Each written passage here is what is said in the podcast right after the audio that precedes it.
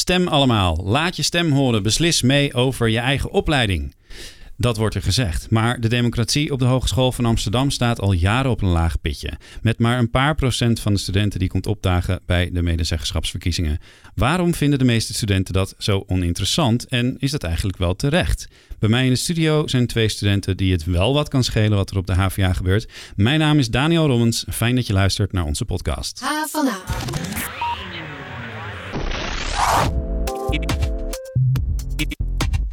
Meepraten en beslissen over het beleid van de HVA. Waarom zou je dat doen? Wie waagt zich aan wekelijks dikke pakken papier met ambtelijke onderwijstaal en lange vergaderingen met het bestuur van de hogeschool?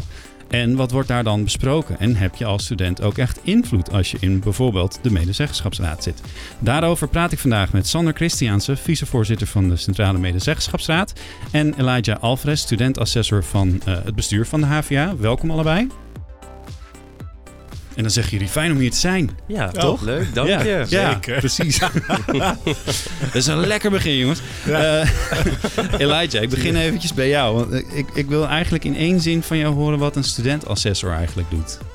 Eh, de primaire taak van een studentassessor is het eh, adviseren van het college van bestuur eh, vanuit een studentenperspectief.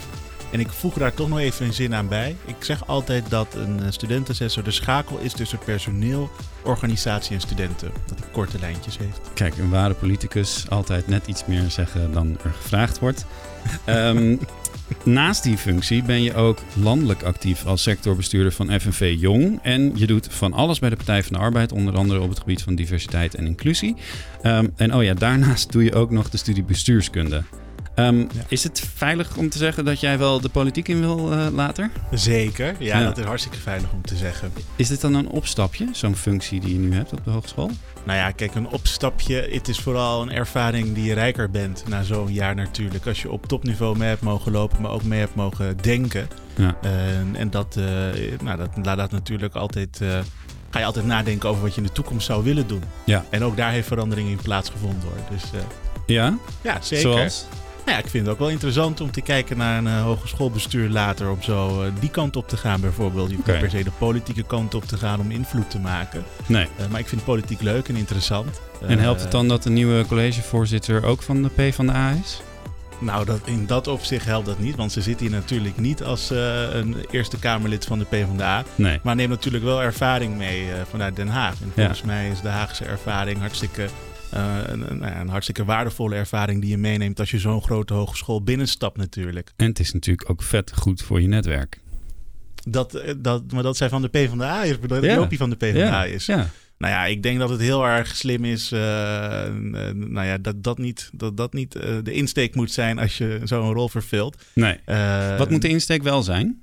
Dat je het doet voor studenten, maar dat je ook in dat, eh, in, in, die, in, die, eh, in dat doen voor die studenten ook dat medewerkersperspectief daarin meeneemt. Ja. Want dat zit echt met elkaar verweven natuurlijk. Dus je Ja. kan wel zeggen, ik, eh, ik spreek alleen vanuit het studentenperspectief.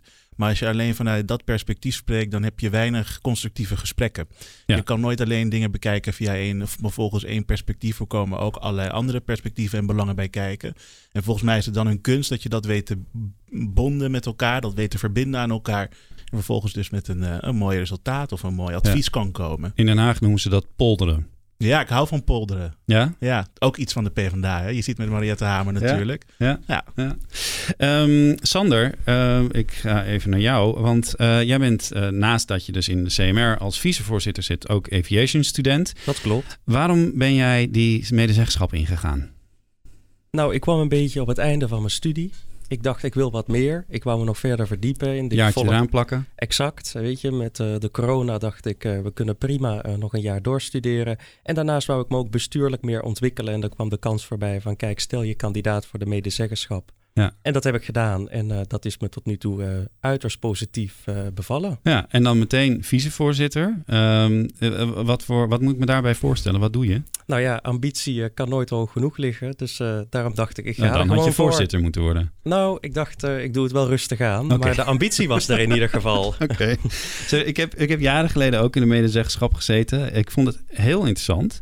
Maar ik vond dat de vergaderingen ontiegelijk lang duurden. En dat het ook echt heel vaak een beetje nou, ten- ja, saai was, maar ook inefficiënt. Zit er tegenwoordig wat meer vaart in die vergaderingen? Jazeker, we proberen allerlei onderwerpen te behandelen. Iedere twee weken vergaderen we, waarvan uh, de ene twee weken met, het hele, um, ja, met de hele CMR, met de hele raad. En Ja. de andere twee wekelijkse vergadering is samen met het college.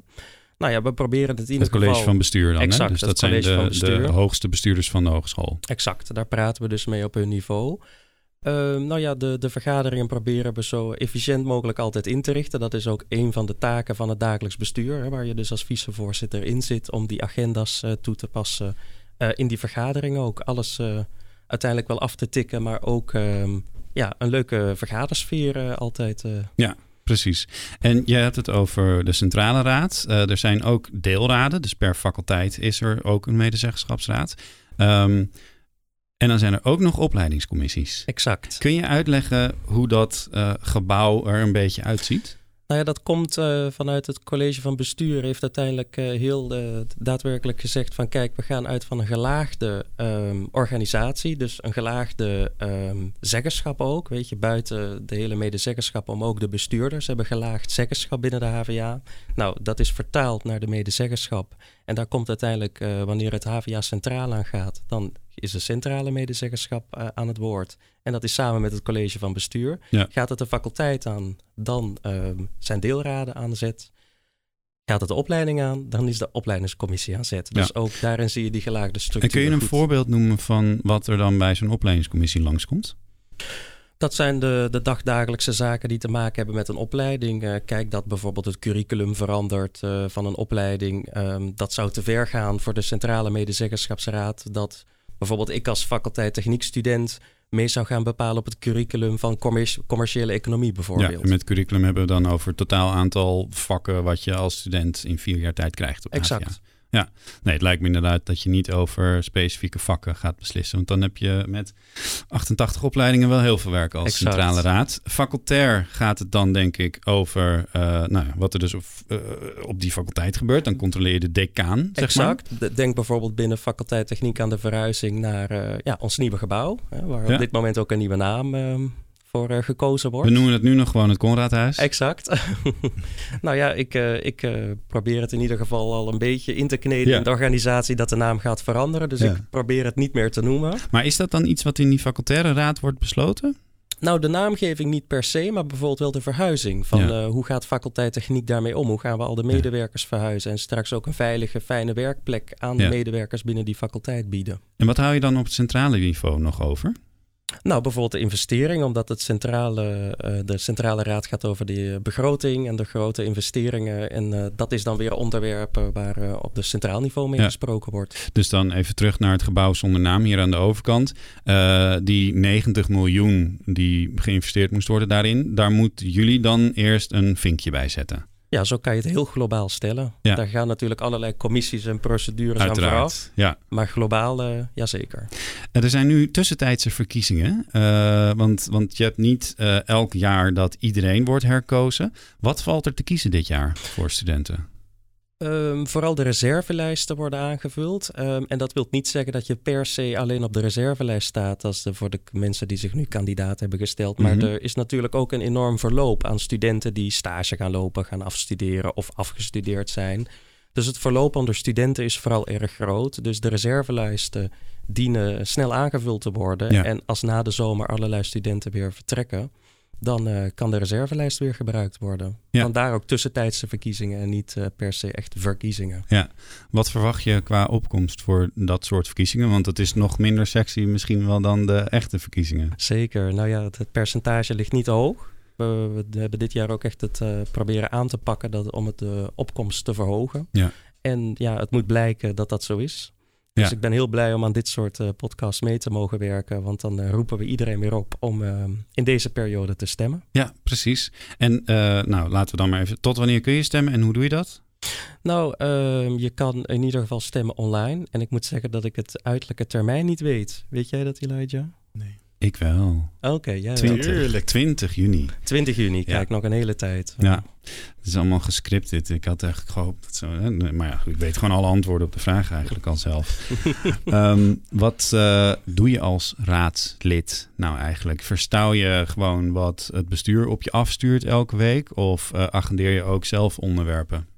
Het is een wisselwerking van het bestuur naar de raad en de raad naar het bestuur.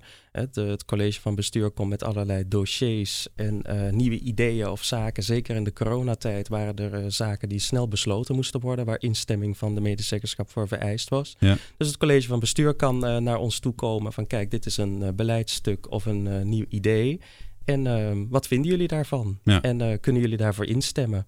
Andersom natuurlijk ook. Uh, vinden wij ergens iets van, uh, dan kunnen we altijd een ongevraagd advies indienen bij het college van bestuur. Ja. En dan komt daar een reactie iets op. waar jullie uh, over hebben geadviseerd, ongevraagd. Nou, en we zijn nu op een interessant onderwerp bezig waar we ongevraagd op gaan adviseren. En dat is het instellen van een studenten-ombudsfunctionaris. Oh, En we zeggen standaard altijd ombudsman, maar in het kader van inclusie en diversiteit ehm, willen we in de HVA ook de naam aanpassen naar ombudsfunctionaris. Ja. Die is er nu op dit moment voor medewerkers, nog niet voor eh, studenten. En Mhm. dat is wel iets ehm, waar zeker de studentgeleding binnen de CMR echt voor staat. En, Ja. eh, en waarom dan? Is, is er aanleiding voor? nou, we hebben een hearing georganiseerd met eh, allerlei, iedereen kon daarin eh, aansluiten. Een dat is ook- hearing is... is Een waar- hearing is een moment waarin we iedereen binnen de HVA die wilt meepraten op een bepaald onderwerp kan aansluiten eh, bij een gesprek. Zonder dat je meteen lid van de medezeggenschap Nee. hoeft te zijn. Iedereen is welkom. Ja. Dat hebben we gehouden over een,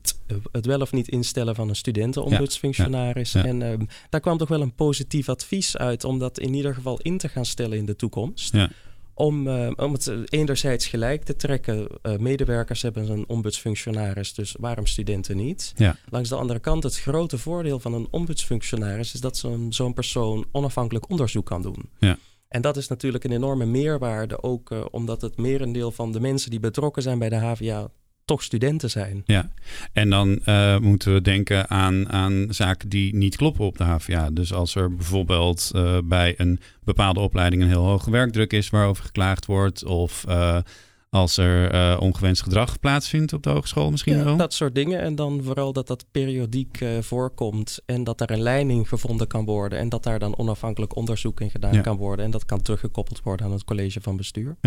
Praten jullie ook wel eens met Elijah als medezeggenschap? Zeker. Elijah sluit ook eh, aan bij de maandelijkse vergaderingen eh, samen met het college van bestuur en de CMR. Ja, want En- hij is natuurlijk lid van het CVB. Exact. En Ja. daarnaast hebben we ook gewoon een praktisch overleg met het eh, dagelijks bestuur van de CMR en het college van bestuur. Ja. En daar sluit Elijah ook altijd bij aan. Wat ik me nou afvraag, Elijah, jij hoort dan van studenten soms waar zij iets van vinden. Ehm, da- daar kun je niet misschien altijd direct zelf iets mee. Speel je ook wel eens zoiets door naar de CMR's? Van jongens, let hier eens op. Vraag hier eens naar. Nou ja, kijk, wat volgens mij belangrijk is, is dat eh, die belangen van de student, maar ook van de medewerker voorop staan. Eh, en als je elkaar daarin kan versterken, waarom zou je dat dan niet doen? Precies, ja. Elkaar helpen. Klinkt goed. Jij zat als eh studentassessor bij, eh, zit bij alle vergaderingen van het CVB. Je neemt daar ook actief aan deel, denk ik. Zeker. Ja, Ehm, en dan vertegenwoordig jij daar de stem van de student. Ik weet van vorige editie, nee, niet editie zeggen, van jouw voorgangers, weet ik dat ze het heel belangrijk vonden om ook echt in alle uithoeken van de HVA te komen om studenten te spreken. Eh, ik denk dat jij dat net zo belangrijk vindt, maar jij hebt natuurlijk wel een gigantisch extra barrière gekend afgelopen jaar om dat te doen, want eh, die campussen waren dicht. Ja. Hoe heb jij alsnog dat geluid opgehaald? Ja, nou, laat ik ten eerste zeggen dat toen ik solliciteerde voor eh, het studentenassessorschap, dat ik niet het idee had dat we nog, eh, nou ja, dat we nog niet echt volop op de campus konden. Nee, en ik had, gedacht dat we in nou, medio november, december, dat we dan alweer volop op de campus zouden zitten. Mhm. Dat is niet gebeurd. Dus vandaar dat ik ook het initiatief heb genomen om studenten om me heen te verzamelen van die verschillende faculteiten. Juist omdat het niet mogelijk is geweest om eh, zelf bezoeken af te leggen eh, en in al die gaten en kieren te komen van de HVA waar ik nog niet was geweest.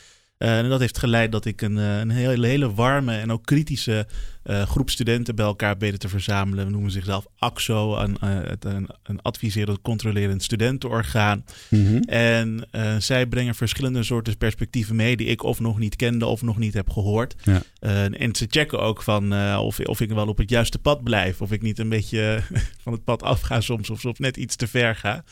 Eh, dus dat is heel erg fijn. Dat is een hele warme groep. En we, zien elkaar maandelijks en hebben een overleg. En dan bespreek ik de gang van zaken. En ook belangrijke eh, punten die er liggen. Of waarvan ik zeg, nou jullie moeten me hierbij helpen. En dat gaat ook tussentijds. Ik hoorde jou eerder iets zeggen van je moet, je moet aan tafel zitten met mensen. Je moet meepraten of je moet met mensen in gesprek zijn. als het gaat bijvoorbeeld om medewerkers. Zet jij ook wel eens echt een punt in vergaderingen van nee, we, dit moeten we gewoon niet willen? Ja, zeker ik zet wel meerdere punten in een vergadering. Noem eens een voorbeeld van een punt dat je hebt gemaakt.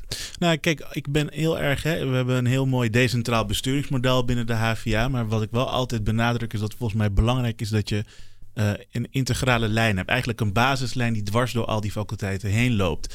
En je hebt natuurlijk te maken met een, uh, een transitie waar we eigenlijk in zitten. We gaan naar blended learning toe na de zomervakantie. Nou ja, wat betekent dat dan eigenlijk concreet voor studenten, maar ook voor medewerkers? Mm -hmm. en, en, daarbij maak ik altijd het punt uh, door te zeggen. dat het niet zo moet zijn dat je op faculteit A wel die vrijheid kan pakken als student en op faculteit B niet. En dan neem ik altijd het concrete voorbeeld. Stel je bent een, een, student met een functiebeperking en je wil graag wat meer thuis studeren en dat is je ook goed bevallen.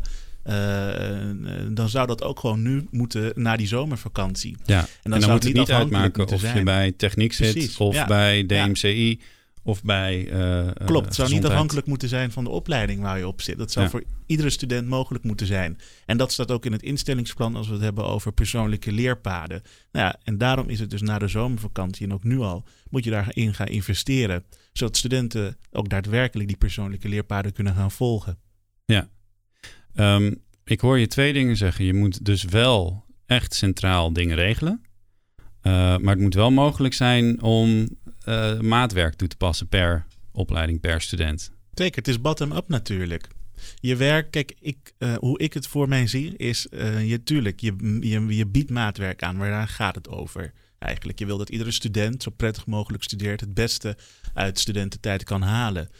Wat daarbij belangrijk is volgens mij, is dat je dus één lijn hebt die dwars door die faculteiten heen loopt. Eén basislijn moet dat eigenlijk zijn. Mm tot dat niveau kan je het beste uit die studententijd halen. En alles wat daarboven komt is aanvullend en mooi meegenomen. En wordt zelf ingevuld door opleidingen. Ja. Nou, dat vind ik belangrijk, dat die lijn er wel is. Ja.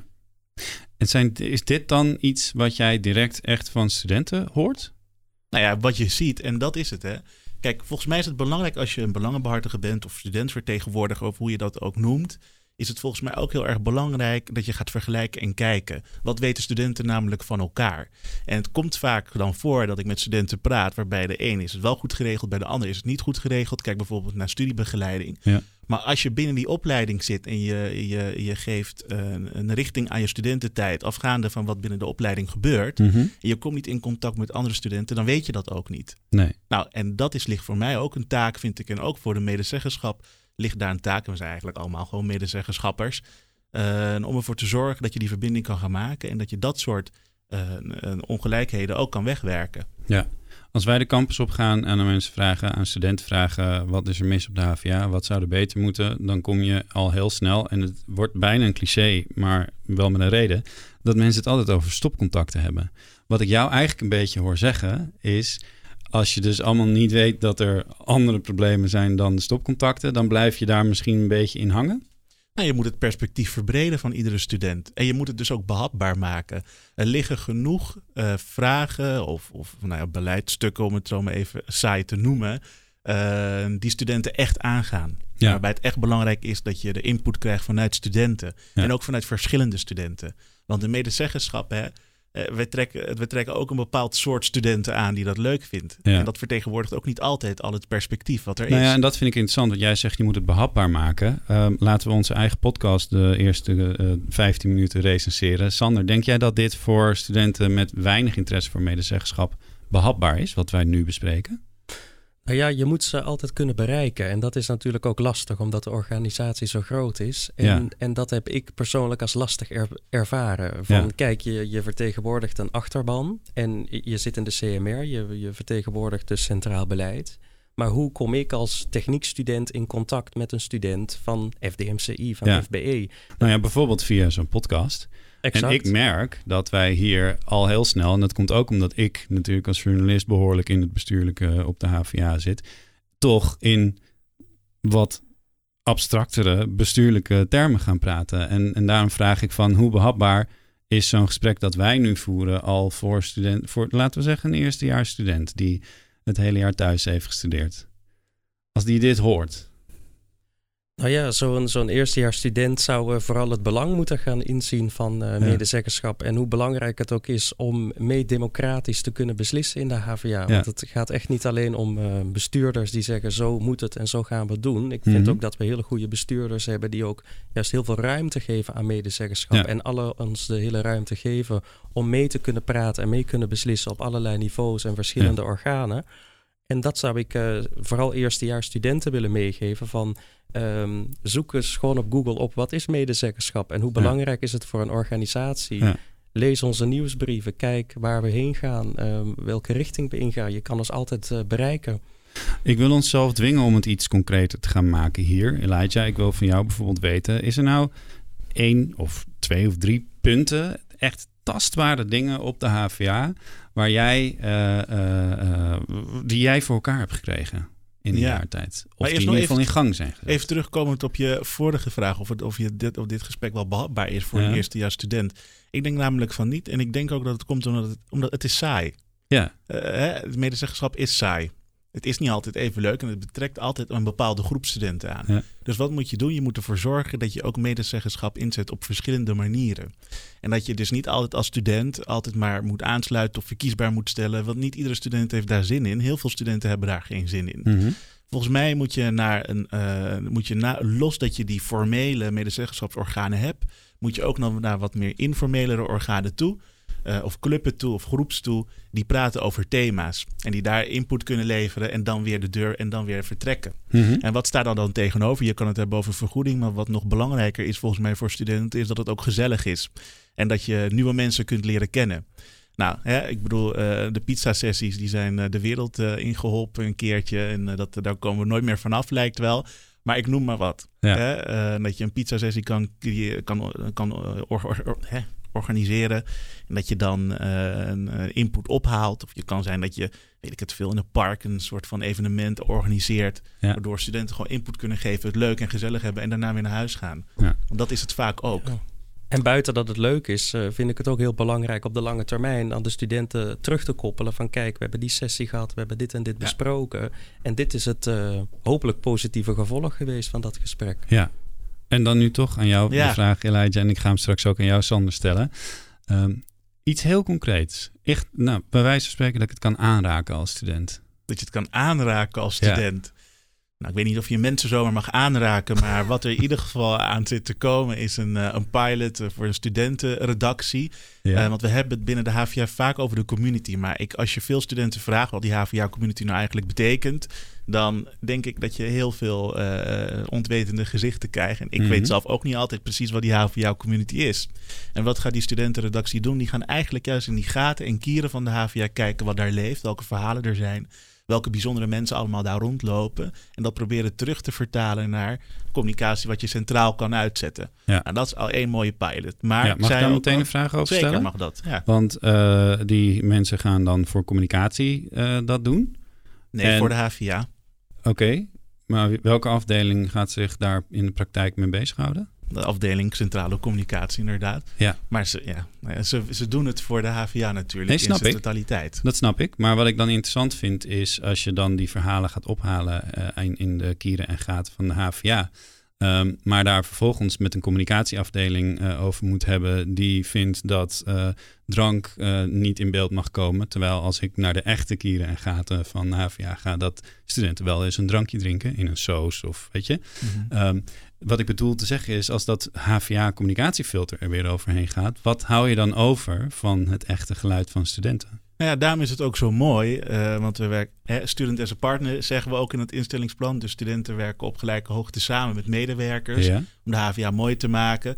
Eh, en daarom hebben we ook gezegd, je moet een studentenredacteur hebben. Hè, een Ja. student die verantwoordelijk is voor die eindredactie.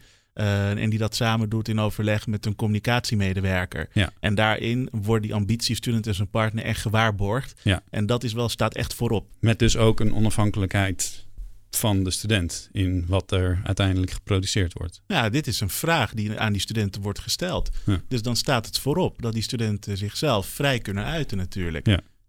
Oké, helder. Ehm, Sander, de medezeggenschap afgelopen jaar. Wat hebben jullie gedaan wat echt anders fout zou zijn gelopen als jullie er niet waren? Nou, ik moet aan uh, één echt concreet ding denken dat uh, echt al is afgehandeld en één toekomstige die vooral gestart is um, de laatste weken. Nou, degene waar we echt aandacht voor hebben gehad, en dat is echt ook in samenwerking geweest met Elijah en het college, is in deze coronatijd um, geen één student vergeten. En daarmee bedoel ik vooral de studenten met een functiebeperking altijd blijven toezien van op het beleid dat ontwikkeld wordt. Uh, wordt dat altijd algeheel bekeken op een gewone reguliere student? Of moeten we toch doorvragen en toch altijd de nadruk blijven leggen op studenten met een functiebeperking en studeren met een functiebeperking? Mm om daar meer en meer aandacht aan te kunnen geven. Nou, ik moet zeggen dat we daar altijd, uh, dat is een van onze ja, um, basisprincipes bijna geweest, zou ik willen zeggen, van deze, van deze raad. Hè. Dus de mensen die op dit moment in de raad zitten, die vinden het heel belangrijk dat studenten met een functiebeperking niet vergeten worden. Ja. Bijvoorbeeld wat beleid dat daaruit voortgekomen is, is dat die studenten um, ja, uh, konden studeren in de Student Hotel. Ik denk dat dat ook echt uh, met Elijah even kijken. Nou, daar is over gesproken. Natuurlijk, hè, het is heel goed dat er dat gekomen is. Uh, dat is recentelijk gebeurd. Daarvoor is de Leeuwenburg natuurlijk ook geopend. Uh, ja, want even voor, we hebben het over gratis extra studieplekken bij de Student, Student Hotel, hier in, op de Wieboudstraat. Ja, ja exact. Ja. Nou ja, wat daarnaast, uh, waar we ook voor gestaan hebben, is we hebben heel veel contact gehad met de HVA-bibliotheek. Dus inderdaad, toen de Leeuwenburg geopend werd, dat inderdaad studenten met een functiebeperking of een of andere andere reden geaccordeerd door de student-decaan voorrang krijgen voor een, een goede, rustige, corona-proof studieplek. Ja. Dus dat, dat zijn zeker zaken die, eh, die de CMR eh, echt goed in de gaten heeft gehouden. En de tendens waar we echt volgend jaar voor willen streven, uh, lijkt nu um, de klachtenregeling van de HVA voor studenten. Okay. we hebben de um, studentvertrouwenspersonen gesproken, de algemene ombudsfunctionaris. Um, nou ja, en ook zaken die gewoon uh, afgelopen jaren voorgekomen zijn binnen de HVA, waar de klachtenregeling van toepassing is. Ja, dan hebben we het nou, natuurlijk over Amfi. Exact. Ja. Um, dat, dat, dat nodigt ons echt van harte uit um, om meer en meer alert te worden op de kwaliteit van die klachtenregeling. En wat staat er nu op papier en hoe werkt dat uit in de praktijk? Wat er nou op papier staat. En ja. is dat nog wel voldoende? ja. voor uh, deze hogeschool. Je hoort de studenten van de HVA hier. Ik heb wel echt angst voor corona, om heel eerlijk te zijn. Ik heb hier echt meteen zoveel vragen over. God, je overvalt me met die vragen. uh. Net zo'n briefje weggelegd. Uh, laten we het gewoon feitelijk even bekijken. Goed oppassen. Ja, ik weet niet of ik er van mijn advocaat uitspraak over mag doen. Wil je niets missen van het nieuws en de verhalen van de campus? Schrijf je dan in voor de nieuwsbrief op havena.nl. We hebben het over diversiteit en inclusie gehad. Dat is een thema dat op de hogeschool op, eigenlijk op alle niveaus uh, enorm uh, in de picture staat. Um, we hadden het dan nu net over mensen met een uh, functiebeperking, maar het gaat natuurlijk ook over gender, diversiteit. Het gaat over um, culturele diversiteit. Ik weet dat jij op het gebied van genderdiversiteit in ieder geval een paar speerpunten hebt gehad het afgelopen jaar. Niet te min omdat je ze zelf naar me hebt toegestuurd. um, Eén daarvan is een pilot met genderneutrale toiletten. Kun je vertellen wat daar, uh, uh, waar dat is en wat er precies wordt gedaan? Nou, het, het, plan is echt om na de zomervakantie, de start van het nieuwe college. En dit heb ik gezegd voordat ik begon als studentensessor. Ik ja. wil dat er een pilot komt met voor genderneutrale toiletten. Ja. Um, en ik ben heel blij dat het gaat komen na de zomervakantie dus. En er wordt dus uh, gekeken per gebouw. Uh, wordt er gekeken waar die neutrale plekken plaats gaan vinden of plaats gaan nemen. Dat worden centrale plekken, dus niet onder een trap ergens ver in een hoek van een gebouw. Uh, en er wordt gekeken naar één à twee toiletruimte per HVA-gebouw. Ja. En dat is hartstikke goed. En dat sluit ook aan bij een ander punt, namelijk die erkenning uh, voor groepen die niet tot die heteronormatieve standaard behoren. Uh, in het instellingsplan. Ja. Dus daar ook in opschrijven. Voor mensen, sorry, maar voor mensen die niet weten wat jij bedoelt met niet heteronormatief, ja. leg even uit. Nou, er is een bepaalde norm die we hebben in Nederland. Uh, en dat is voornamelijk ingericht vanuit een, een heteroseksueel beeld eigenlijk. Hè. Uh, het is nog steeds, moet je uit de kast komen eigenlijk als je niet hetero bent. Uh, en dat doe je niet één keer, maar dat doe je meerdere keren, soms op een dag ook. Als je nieuwe mensen leert kennen bijvoorbeeld. En het is nog niet altijd veilig genoeg uh, om jezelf te kunnen zijn in Nederland. Ja.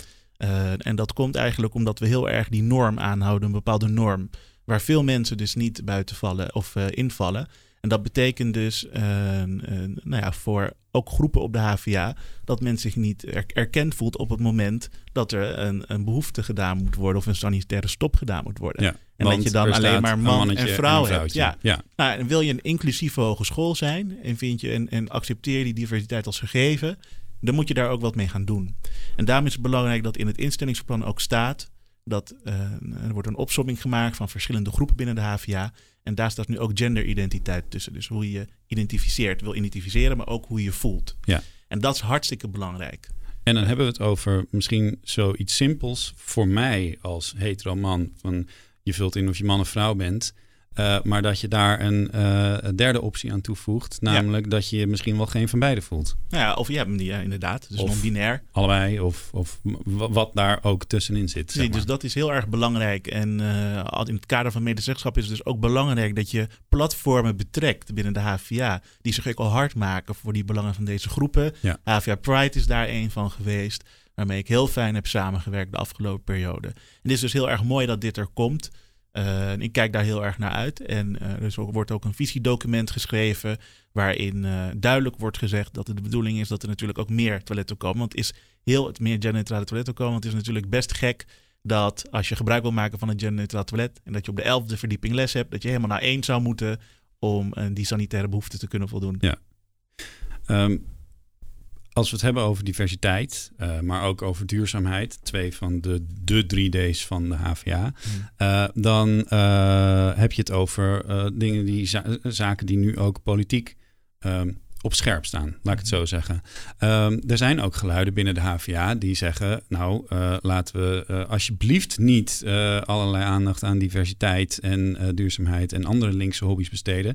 Want daar is een hogeschool niet voor. Een hogeschool moet neutraal zijn politiek. Nou ben ik heel benieuwd van jullie beiden. Ehm, hoe ga je om met dat geluid? Want ook die studenten moet je vertegenwoordigen. Zeker. Nou, en daarom ben ik ook aan het begin van dit jaar Bijvoorbeeld met een groep conservatief HVA hebben wij een uh, gesprek gehad, een kennismakingsgesprek gehad. Ja. Maar laat me ook vooropstellen dat daar ook een verantwoordelijkheid in zit vanuit, de beide, vanuit beide kanten. Hè? Dus je moet constructief met elkaar samenwerken, volgens mij. Uh, en dat is de taak die op het bordje ligt. Uh, en dat moet van allebei de kanten komen. En ik zeg ook niet dat alles genderneutraal zou moeten worden als Nee. het gaat over de toiletten. Maar gebeurt dat? Eh, eh, gebeurt dat? Is, is dat constructief, dat gesprek? Nou ja, zoals ik al eerder zei, dat moet van twee kanten komen. Ja. Dus eh, ik ga graag een, const- een constructief gesprek aan met iedereen. En als het gaat over diversiteit, is ook niet.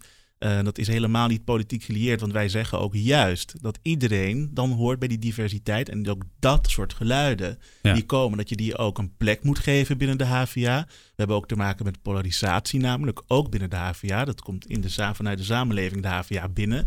Maar dat betekent het dus wel eh, dat ook allebei die kanten en allerlei verschillende kanten die daarbij betrokken zijn, nou met elkaar tot iets moeten komen. En ja, weet je, Oftewel, ze moeten zelf aan tafel komen zitten. nou ja, aan tafel komen zitten is één. Maar ook een constructief gesprek voeren en ervoor zorgen dat je tot concessies kan komen of compromis kan komen, dat is twee. Ja. En dat je elkaar nog met respect behandelt, dat is drie.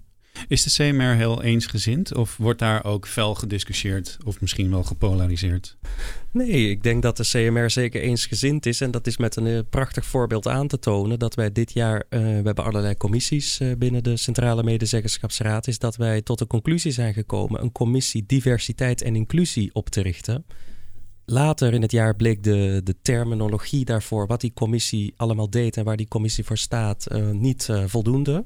Is het de commissie kansengelijkheid gaan heten. Dus in Mhm. alle eh, beleidsstukken dat eh, de centrale medezeggenschap bereikt, gaat deze commissie een, met een extra blik op vlak van kansengelijkheid, diversiteit, inclusie, de beleidsstukken scannen en daar ook hun conclusie uit trekken en dat delen met de raad.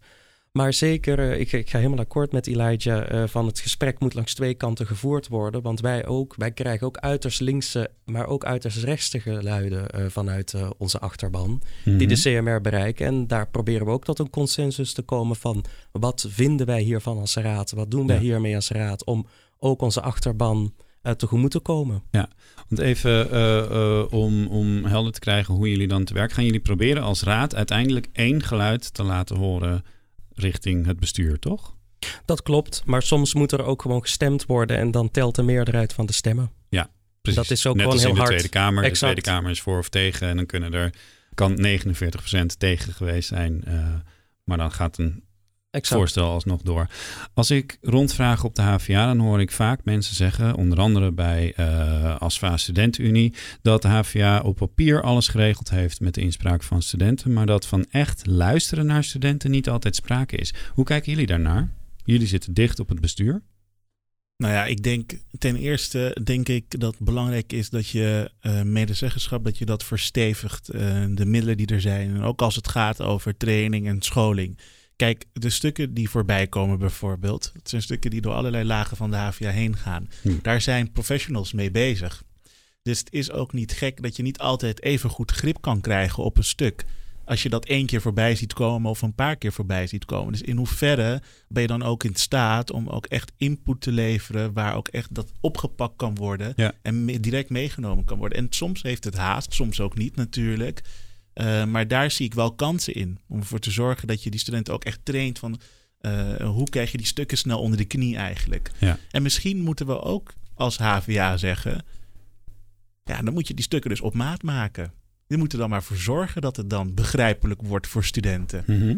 Net zoals hoe je ziet met verkiezingsprogramma's. Niet iedereen snapt eh, het ook weer wat daar staat. Nee, precies. Je Nou, kan dus het ook gewoon één er- A4'tje zetten, Precies, ja, zoals de PVV. Nou, niet één A4'tje lijkt me wel weinig. Maar dan ga je dus in ja, normaal Nederlands, om Ja. het zo maar even te zeggen, schrijf je het op of vertaal je dat. En dan zul je zien dat, eh, dan denk ik ook dat als je het begrijpt, dan vind je het ook leuker. Dan kan je ook meer daarover nadenken. En dan kan je ook daadwerkelijk die input geven, die meteen dat meegenomen kan worden. En dan zich uiteindelijk uitmondt in iets concreets, in iets tastbaars, iets zichtbaars. Wat je dus aan kunt raken. Of Niet, niet mensen. mag aanraken. Niet mensen aanraken. Je wil heel jongens. graag aanraken, maar dat is niet de Nee, ja, sorry. Ehm, de verkiezingen van vorig jaar, die hadden een historisch lage opkomst. Ehm, betekent dat dat je dan ook maar heel weinig studenten vertegenwoordigt, Sander? Nou ja, ehm, ik hoop er natuurlijk op dat eh, alle studenten die nu in de raden zitten, op welke laag dan ook van de medezeggenschap, dat ze zich ervan bewust zijn welke plek ze hebben binnen die gelaagde structuur en Ja. binnen de- het algehele bestuur van de HVA. Ja. Dus ik ga ervan uit dat ze alle studenten. Maar het is niet zo dat het eh, bestuur tegen jou zegt... nou, sorry, maar je representeert maar 3% van de studenten eh, dit jaar... dus eh 97% maakt het toch niet zoveel uit. Dus we hoeven niet echt naar je te luisteren. Nee, het bestuur neemt ons heel serieus. Ja? Oprecht. Ja, weet je, we zijn echt een gesprekspartner en zelfs sparringspartner. En vaak de studenten hebben hele praktische voorbeelden, misschien ook wel van laag in de organisatie bij een eigen opleiding, dat het bestuur op een hoog bestuurlijk niveau ook weer helpt Ja. om tot een ander inzicht te komen en daarop te acteren. Walsen ze ook wel eens gewoon over je heen? Nooit. Nee? Ik vind van niet. Er is altijd een, ehm, de kans om het eh, te bespreken, om eh, te door te vragen. Ja. Eh, waarom zo, waarom niet zo? Waarom kost het zoveel? Kon het op een andere manier? Dat zijn wel vragen die je kan blijven stellen. En pas als iedereen een gevoel heeft van... kijk, onze vragen zijn goed inhoudelijk beantwoord... dan ehm, kunnen we alleen maar heel blij zijn met de bestuurders die we op dit moment hebben. Ja. Als ik het omdraai, ik eh, vraag ook wel eens aan mensen hoe zij kijken naar hoe de medezeggenschap zijn werk doet. En er zijn ook veel mensen die zeggen dat het een heel brave club is. En als ik dan een tijdje geleden kijk naar een filmpje eh, van een interview eh, door een studentlid van de CMR met de rector van de hogeschool, gescript, dat was overduidelijk, dan denk ik, sta je dan niet veel te dicht bij het bestuur? Ehm, moet je niet veel toch meer afstand creëren om die controlerende onafhankelijke functie waar te maken? Afstand creëren vind ik ehm, niet per se op zijn plek. Eh, afstand creëren... Nou, in het beeld misschien dan. Dus niet, niet een eh, raadslid eh, zo'n interviewtje laten doen.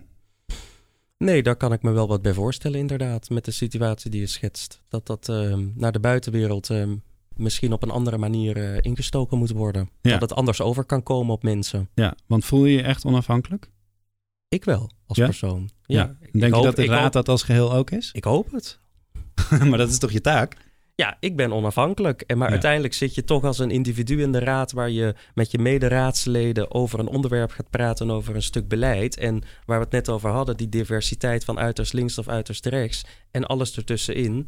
Samen komen we toch tot een consensus door een discussie. En de discussie komt echt wel los, kan ik je vertellen. Het gaat er soms heftig aan toe. Ja, dus als we even in de Haagse termen macht en tegenmacht uh, gaan praten. Ik zie jou lachen, Elijah. is er dan een echte tegenmacht en, en wordt die ook voldoende gesteund?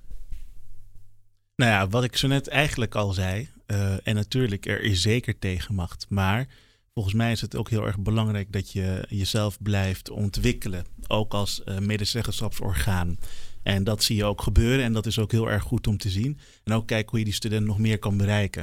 En wat ik zo net eigenlijk al zei, misschien is niet een, is één is een medezeggenschap, die medezeggenschapstelsel en dat orgaan dat we hebben, dat werkt misschien niet altijd even goed genoeg als je bepaalde input wil hebben van ook andere groepen studenten. Dus dan moet je kijken naar, oké, hoe kunnen we ervoor zorgen dat we dan toch gerichter die student kunnen bereiken? Nou, ik hoor bijvoorbeeld al commissies, hè, dat is, uh, nou ben je al gerichter bezig, maar ook op een wat informelere manier geloof ik. Want het moet bovendien ook gewoon gezellig zijn. En dat is vaak wat mensen en wat studenten ook gewoon trekt. En als het gaat over een tegenmacht organiseren, het is belangrijk ook dat je dus studenten, ook weer nieuwe raadsleden straks, die ik wel vast van harte welkom heet, want dat is hartstikke mooi om te zien, omdat je die goed klaarstoomt. Uh, en dat je die de basics en de tools meegeeft om ervoor te zorgen dat ze die stukken goed onder de, uh, het ook weer goed kunnen meenemen in hun visie. En ook niet uh, het ook weer. Een, een, want het is natuurlijk ook wel. Je zit met een, met een hogeschoolbestuurder aan tafel. Hè? Dus voor sommige studenten is dat ook nieuw. Die zijn dat helemaal niet gewend. Indrukwekkend. Nou, Iedereen moest wennen. het is een autoriteit eigenlijk ook. Hè? Zo voelt, zo kan dat voelen. Ik dus is het ook belangrijk dat dat gevoel, dat, dat gevoel ook weggaat. En daar moet je ze voor klaarstomen. Ik weet nog dat een van mijn mederaadsleden in 2005... Uh, die mocht uh, dan namens onze faculteit naar de CMR... Uh, die was er toen ook al. Dan moest hij naar het Maagdenhuis. Hè? Dat is ja. dat, epische gebouw op het Spui, uh, wat ook wel eens bezet is geweest. En die had toen echt een driedelig pak aangedaan, want die dacht dat dat moest en zo. Dat is zo grappig. Ja. ja, maar ja, dat is dus ook misschien, en dat is wel wat je beschrijft, hè, is ook wel de illusie, het beeld wat mensen hebben van nou ja, als je met een hogeschoolbestuurder om tafel gaat zitten. Of als je daar uh, een, een, in, een, in een discussie in gaat. Terwijl hoe, dat ook is het dan? Zit je gewoon lekker in je polootje en een uh, spijkerbroek met een scheur erin? Ik kom ook wel. Zeker. Ja. en zeker met tijdens het thuiswerken. Dan zit iedereen uh, met zijn joggingbroek short ja, en nette polo precies, aan. Dan zitten we allemaal alleen maar aan de bovenkant netjes. exact. En zelfs dat niet eens. Dan zet je gewoon de camera uit. Um, hoe gaan we zorgen dat de studenten wel naar de digitale stembus komen dit jaar? Of volgend jaar en alle jaren erop? Nou, ik vind het heel belangrijk dat uh, studenten vooral, uh, en daar moeten wij ook voor zorgen, dat is echt onze taak vanuit medezeggenschap, het belang van medezeggenschap echt gaan begrijpen en gaan inzien van kijk, dit is wat we doen, dit is waar we voor staan en we zorgen echt voor jullie en we zorgen dat er een goede controle en toezicht is op ons bestuur ja. en alle beslissingen die daar gemaakt worden en ook waar bijvoorbeeld je geld naartoe gaat, waar gaat je collegegeld heen, waar gaan uh, alle andere NPO-middelen heen. Um, NPO? NPO is op dit moment, uh, dat zijn de middelen die we vanuit de overheid krijgen. Maar het uh, bestuur van de HVA maakt uiteindelijk wel een allocatie van waar gaan we die middelen op dit moment aan besteden. Maar dat is extra vanwege de coronacrisis. Op dit moment wel. Ja, ja oké. Okay. Nee, ik dacht, vertaal het even bij NPO, dan kun je ook denken aan de publieke omroep. Ja, klopt. Uh, en ik dacht, hey, van cultuur gaat er geld naar onderwijs. Nee, maar dat zou mijn, uh, ja, mijn, mijn wens zijn. Dat, ja. uh, dat, wij als, dat wij het als medezeggenschap voor elkaar krijgen. Um, ja. Dat is een hele opgave. Iedereen in de HVA te bereiken en te laten inzien van... kijk, het is echt belangrijk dat er wordt meegekeken en mee besloten wordt over ja. uh, zaken binnen de hogeschool. Elijah, jij bent nog uh, nou, een maandje in de praktijk uh, studentassessor. Je bent het officieel geloof ik de hele zomervakantie, of de halve zomervakantie nog. Mm -hmm. um, is er al een nieuwe studentassessor? Nee, er is nog geen nieuwe studentassessor. Weet je wel een beetje wie dat misschien zou kunnen gaan worden? Nee, dat weet ik ook niet. En al oh. zou ik dat weten, dan zou ik het ook niet zeggen hier. Zo, dat is toch, dat moet toch wel nee. de bekendmaking moet komen vanuit de persoon zelf. En wat ik wel interessant vind van jou, Elijah, is dat je misschien nog kunt zeggen wat jij denkt dat jouw opvolgers echt zou moeten doen. Want ik hoor je veel bijvoorbeeld over hè, die vertaalslag maken naar iets wat dan behapbaar is voor studenten. Is dat dan de taak voor de volgende studentassessor? Ja, dat, dat is altijd de taak volgens mij van iedere medezeggenschap, van iedere medezeggenschapper, vind ik. Van hoog tot laag. Zeker. Ja. Je moet het, mensen kunnen pas meepraten als je het behapbaar maakt voor ze. Ja. En anders weet je, vind ik ook, dan moet je niet vragen wat men ervan vindt. Want dan, eh, dan krijg je niet het antwoord waar je naar zoekt. Dan krijg je ook niet het antwoord dat ook echt oprecht en wat gemeend is. Nou, voor de volgende studentassessor, die transitie zit er aan te komen. Daar zijn we eigenlijk al lang mee bezig. Dus het wordt heel erg spannend. Om naar blended learning, hè? Ja, naar blended learning. Uh, dus hè, ook om weer zo'n term waar heel veel mensen niet van weten wat het is. Ja, laten we het nog even uitleggen. Nou ja, hè, dus de digitale middelen die dat fysiek onderwijs kunnen versterken. En we blijven natuurlijk een on-campus uh, hogeschool. Maar dat wordt wel heel spannend, want daar zullen verschillende geleiden uitkomen van allerlei soorten studenten. Ja. En om dat te verzamelen. En wat ik vooral zou willen meegeven aan de volgende studentassessor. Weet je, zorg ervoor dat je toegankelijk bent, maar maak het ook gewoon sexy. Maak het ook gewoon gezellig. Maak het leuk. Ga desnoods in een, uh, ik zei altijd, in een uh, paarse HVA-auto naar studenten toe. En vraag wat ze van dingen vinden. En die kans heb ik helaas dit jaar niet kunnen pakken. Dat vind ik heel erg jammer. Maar als het aan mij had gelegen, had ik op een uh, scootertje of in een autootje gezeten. Tuut, tuut stond ik voor de deur. En dan zou ik uh, vragen wat je van bepaalde dingen vindt. Ja. Je moet niet alleen maar wachten totdat mensen op je afkomen. Je moet ze ook opzoeken. Ik had het je gegund, maar uh, het was allemaal via laptopjes dit jaar. Ja. Uh, we moeten dit gesprek gaan afronden. Dank beiden voor jullie komst. Vind je dit een leuke podcast? Laat dan een beoordeling achter op iTunes. En heb je een vraag of een opmerking? Mail ons dan op info.hvna.nl of stuur ons een berichtje op sociale media. En dan zeg ik nog dit. Het is bijna zomer op de HVA en je hebt nog een paar podcasts van ons te goed. En in elk geval eentje waarbij we voor het eerst in ruim een jaar weer eens een bezoekje brengen aan alle verschillende campussen van de Hogeschool van Amsterdam. Welk verhaal mogen we volgens jou echt niet missen als we daar langs gaan? Wat is er gebeurd in de tijd dat we allemaal thuis zaten? Laat het ons weten, mail ons, bel ons of chat met ons. En misschien staan we binnenkort met een microfoon voor je neus op de campus. En natuurlijk maken we tussendoor uh, gewoon dagelijks de mooiste verhalen over jouw opleiding en jouw faculteit. En uh, dan moet je hvna.nl checken als je dat uh, wil lezen of zien of horen, zoals deze podcast. Of je volgt ons op sociale media. Ja, dat was hem. Dank voor het luisteren. Tot de volgende. En uh. Geen enkele podcast meer missen? Check dan HVNA in je favoriete podcast-app.